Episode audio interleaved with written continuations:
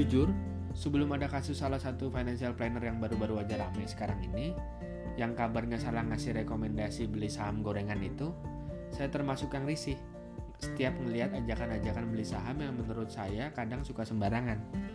Mau itu di grup WA ke, di grup Telegram ke, Instagram, Facebook, Twitter, platform apa pun lah. Apalagi kadang yang ngajak ini tuh suka keminter, belaga pinter, gitu ya. Dan kadang-kadang juga mereka ini cenderungnya maksa. Ya kalau nggak mau dibilang maksa, kadang ya marketingnya jago banget gitu. Nah kali ini kita akan ngomongin kenapa, apa sih alasannya buat kamu untuk jangan beli saham. Lawan arus sekali-sekali nggak apa-apa lah ya. Yang lain ngajarin buat beli saham, ini malah ngelarang-larang. Udah gatal bener sebenarnya mulutnya nih. Yang pertama, mereka-mereka yang jualan yang ngasih rekomendasi buat beli saham A atau buat beli saham B ini nggak pernah ngasih tahu kamu soal yang namanya risk profile. Nah, risk profile atau profil risiko ini sifatnya beda-beda tiap orang. Profil risiko sendiri apa sih? Profil risiko sendiri gunanya adalah untuk mengidentifikasi seberapa siap dan seberapa kuat kamu ngambil risiko. Nah, dalam hal ini adalah risiko terhadap naik turunnya instrumen keuangan yang teman-teman akan beli. Gimana sih cara nentuin profil profil risiko kita gitu ya? Nah, sebetulnya ada banyak-banyak ada banyak gaya. Mungkin yang lebih profesional punya caranya masing-masing. Tapi buat kita belajar gambaran dasarnya dulu gitu ya. Kita bikin titik-titik atau level-levelnya dulu nih.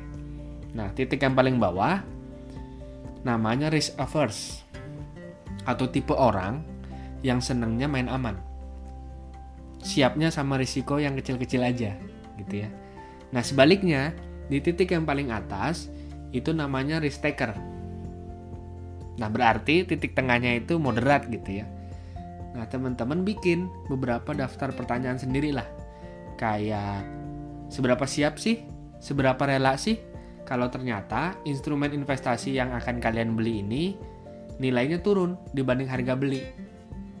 Atau malah teman-teman maunya yang pasti-pasti aja gitu returnnya. Ya kurang lebih gitulah daftar-daftar pertanyaannya. Nah setelah bikin daftar pertanyaannya, kalian jawab, baru kalian tentuin tuh. Kalian tuh tipikalnya yang bagaimana sih? Apakah kalian tipikal yang ekstrim risk averse misalnya? Atau risk averse biasa, moderate, tipikal risk taker atau justru ekstrim risk taker?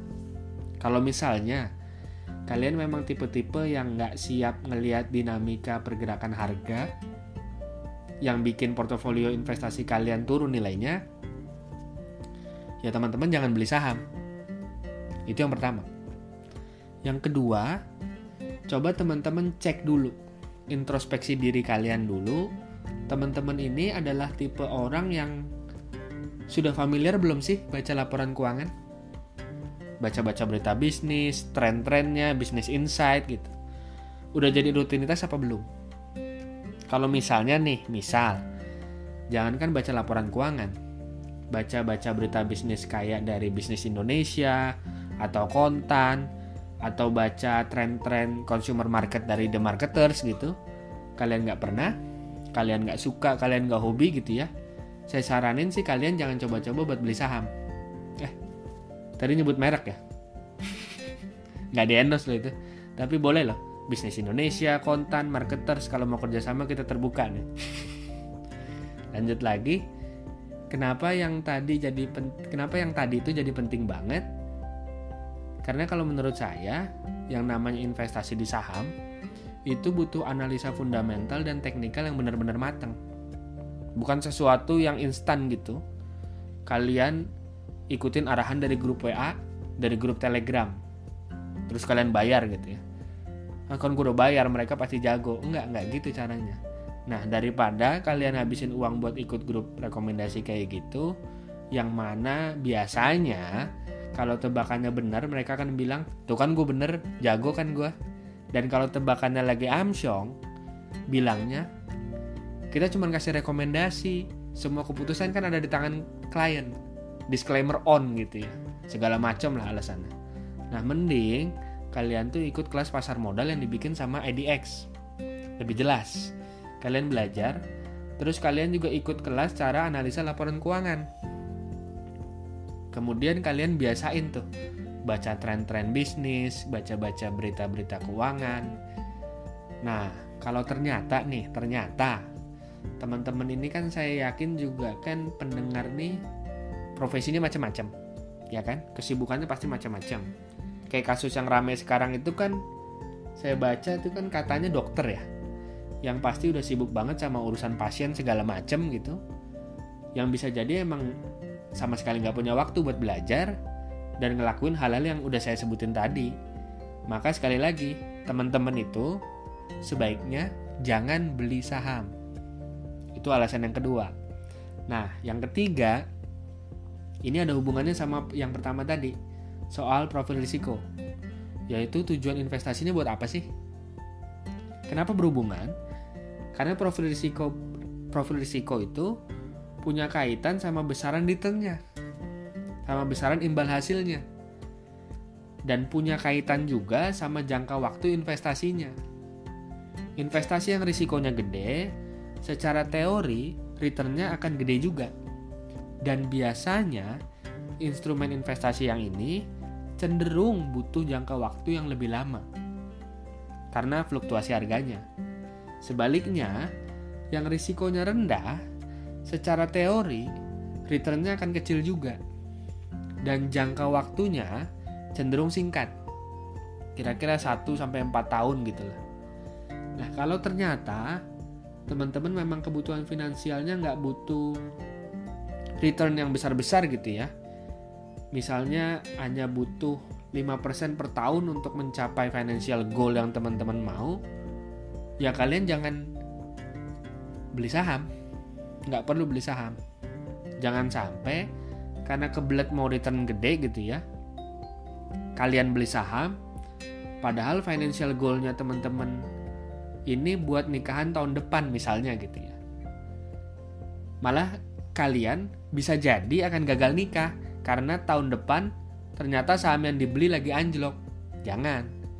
Nah dari tadi kan saya bilangnya jangan jangan jangan gitu ya. Solusinya apa gitu kan? Karena kalau dilarang-larang terus tapi nggak dikasih solusi kan uh, nyebelin juga gitu ya. Nah misalnya ya dari ketiga alasan yang udah kita bahas tadi ternyata kita nih adalah tipe-tipe orang yang termasuk risk averse maka solusinya teman-teman bisa lirik instrumen lain yang secara risiko bisa jadi lebih minim Kalian pertama bisa lirik instrumennya perbankan ya. Mereka ada deposito dari yang bulanan sampai 2 tahun biasanya ya. Sebetulnya uang deposito yang diterima sama bank itu kan ada bagian yang akan mereka beliin saham juga sebetulnya. Tapi analisanya kan kita nggak ngurusin. Mereka punya uh, fund manager yang andal-andal, yang ahli-ahli. Nah kita tinggal dapat fixnya aja sejumlah bunga yang dijanjin sama bank. Nah, kalau momentumnya lagi pas, kalian bisa lirik juga surat utang retail yang dijual sama negara. Ini memang harus nunggu momentumnya karena kan nggak tiap bulan negara jual surat utang gitu ya. Kemudian ada juga reksadana pasar uang yang isinya itu sertifikat Bank Indonesia, obligasi yang sudah mau jatuh tempo dan deposito berjangka yang dikelola sama manajer investasi. Nah, paling di sini kalian tuh hanya perlu cek kredibilitas bank atau manajer investasinya. Teman-teman cek track recordnya punya masalah apa enggak.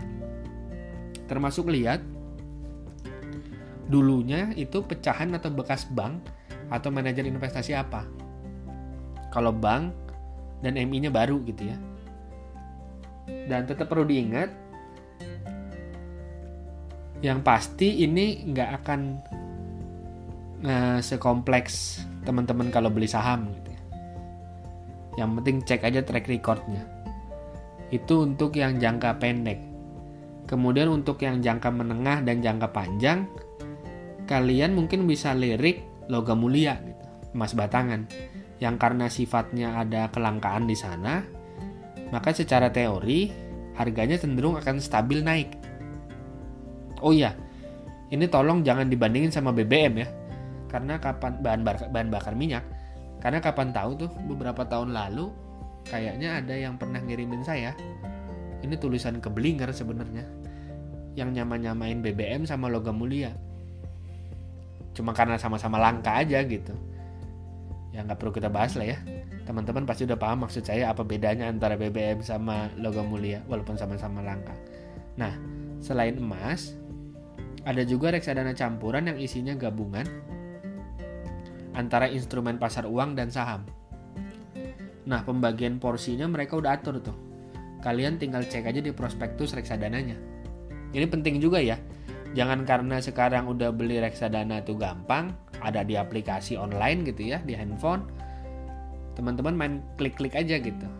Teman-teman harus baca prospektusnya dulu. Nah, di tingkat atau di level profil di tingkat atau level profil risiko yang udah dijelasin tadi,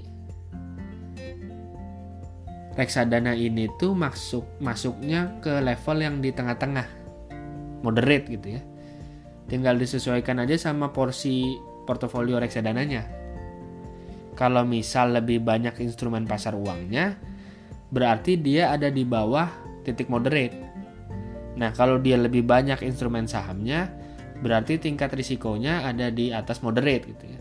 Kalau 50-50 baru tingkat risikonya moderate di tengah-tengah gitu. Ya biasanya jarang sih yang 50-50, tapi kalian cek lagi aja bagi, gimana mereka ngelakuin pembagian porsinya. Nah, tingkat risiko ini tinggal dicocokin lagi sama profil risikonya teman-teman gimana. Kalau kalian merasa kalian tuh uh, pemberani gitu ya, risk taker banget gitu. Gue tuh orangnya risk taker banget gitu ya. Expect returnnya gede, tapi tetap nggak punya waktu buat belajar keuangan atau baca-baca berita bisnis, apalagi belajar buat analisa ina inu gitu ya. Kalian juga nggak masalah sebenarnya kalau dan kalian juga nggak masalah gitu kalau makan waktu lama karena financial goal kalian memang untuk jangka panjang maka teman-teman bisa lirik yang namanya reksadana saham. Practically ini isinya ya saham-saham juga sebetulnya. Bedanya yang ngelakuin analisa jual beli bukan kalian. Paling banter kalian tuh cukup analisa saham utama yang ada di prospektus. Mereka biasanya kasih tuh top 5 nya di prospektus saham utama apa yang ada di portofolio reksadana yang mereka jual. Analisa 5 saham itu aja, sisanya biar mereka yang analisa gitu. Paling tipsnya satu lagi, sama aja sih kayak yang udah-udah. Cek track record MI-nya kayak gimana. Nah, gitu aja sih. Semoga belajar bareng kali ini membantu teman-teman ya. Dan sebagai penutup, saya mau kasih tahu teman-teman kalau finance, terutama financial market itu sebetulnya sederhana, tapi juga sekaligus kompleks. Jangan pernah main-main.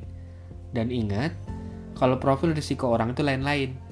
Kalau ternyata memang profil kamu cocoknya di reksadana pasar uang, deposito, dan emas, jangan dipaksain buat beli saham. Nggak apa-apa kok. Jangan minder. Dan yang penting jangan asal ikut-ikutan. Kamu tetap keren karena sudah sadar finansial. Semangat ya!